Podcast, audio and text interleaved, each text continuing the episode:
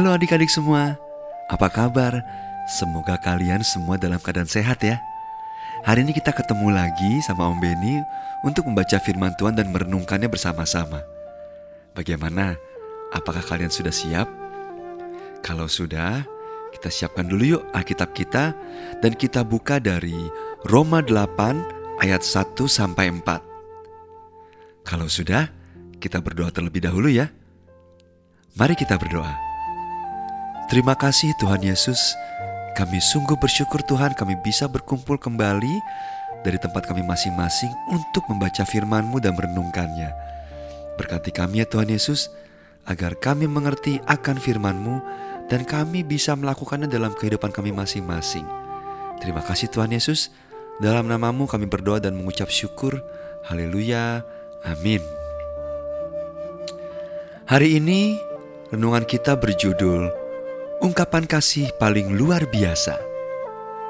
Adik-adik, kita baca firman Tuhan dulu yuk yang tadi sudah kita siapkan. Yang kita ambil dari Roma 8 ayat 1 sampai 4. Hidup oleh roh.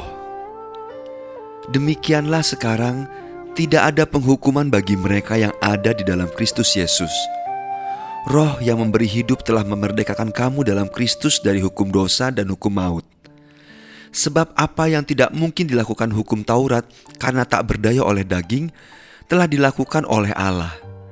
Dengan jalan mengutus anaknya sendiri dalam daging, yang serupa dengan daging yang dikuasai dosa karena dosa, ia telah menjatuhkan hukuman atas dosa di dalam daging, supaya tuntutan hukum Taurat digenapi di dalam kita yang tidak hidup menurut daging, tetapi menurut roh. Malam itu, Papa, Mama, Bulan, Bintang dan Mentari menonton film bioskop bersama. Di mall tempat mereka menonton film, sedang banyak atribut menyambut Hari Valentine atau Hari Kasih Sayang. Dalam perjalanan pulang, Mama bertanya kepada Bulan dan Bintang. Bulan, Bintang, tadi kan di mall sedang merayakan Hari Valentine. Tahukah kalian ungkapan kasih sayang paling luar biasa yang pernah ada? Hmm, kasih sayang orang tua kepada anak, sahut Bulan. Kasih sayang aku kepada Kak Bulan, sambut Bintang bercanda. bukan, bukan. Kasih sayang terbesar adalah kasih sayang Tuhan kepada manusia yang berdosa. Tuhan rela mati hanya untuk mengampuni dosa kita semua loh. Padahal kita semua yang berbuat dosa, tetapi Tuhan yang tidak bersalah rela mati untuk menebus dosa kita semua.